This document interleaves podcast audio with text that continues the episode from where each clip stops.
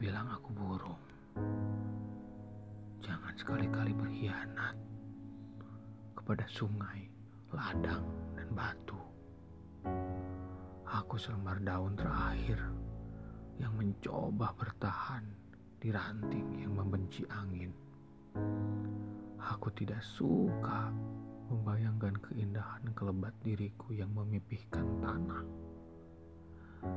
Tidak mempercayai janji api yang akan menerjemahkanku ke dalam bahasa abu sebagai daun terakhir agar suara angin yang menindak bobokan ranting itu padam. Tolong tafsirkan aku sebagai hasrat untuk bisa lebih lama denganmu. Tolong ciptakan makna bagiku.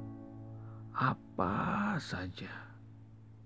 Aku selembar daun terakhir yang ingin menyaksikanmu bahagia.